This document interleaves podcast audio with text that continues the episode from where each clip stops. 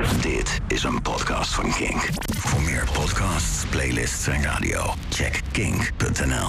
Kink. Kink op de week. Voor iedereen die hoopt dat ik het ga hebben over die Forum voor Democratie stagiaire met zijn hoge piepstemmetje. Sorry, want alles wat je aandacht geeft groeit en deze trieste imitatie van de politicus verdient geen aandacht. Al zou die wat groei best kunnen gebruiken.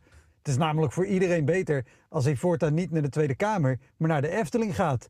En dan is het leuk voor zo'n jochie als hij ook een keertje wel in de Python mag. Hij is namelijk het antwoord op de vraag: wat gebeurt er eigenlijk als een Playmobil neef en nicht samen kinderen krijgen? Maar goed, het is makkelijk om hem belachelijk te maken wegens zijn lengte. Maar hij schiet bijvoorbeeld altijd vol bij het horen van de André Hazes klassieker Kleine Jongen. Zijn vader schiet ook altijd vol bij het horen van die klassieker. Want die denkt melancholisch, oh, was ik ook maar met een vuurpijl de lucht ingeschoten. Deze pratende heliumballon erkent de democratie niet, erkent de Tweede Kamer niet en ik denk trouwens ook dat hij zijn vader niet erkent. Als ik zijn vader was, zou ik doen alsof ik dement was en gewoon zeggen dat ik hem niet herken. Maar toen ik hem wilde googlen, deed ik dat voor de zekerheid wel met mijn browser even op incognito-modus.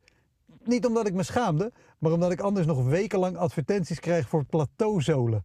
Het is toch een soort populistische Pinocchio. Blijf het ook raar vinden om zo'n jong gastje in de Tweede Kamer te zien. Althans, gekleed in een pantalon en een bruin hemd.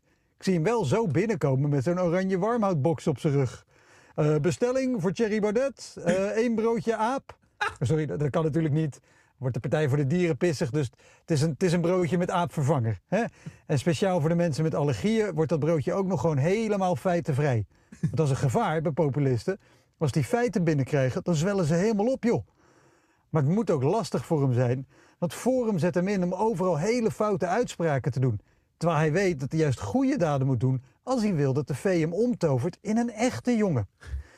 En toen hij tijdens een Tweede Kamerdebat over de veiligheid van journalisten maar vergelijkingen bleef maken met de Tweede Wereldoorlog, werd de vergadering tot twee keer toe de voorzitter Vera Bergkamp geschorst.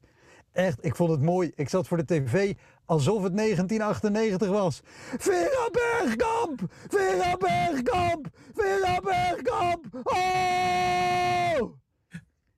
Tijdens dit debat werd voor de zoveelste keer een oproep gedaan aan Mona Keizer om de privégegevens van ZZP'ers te beschermen.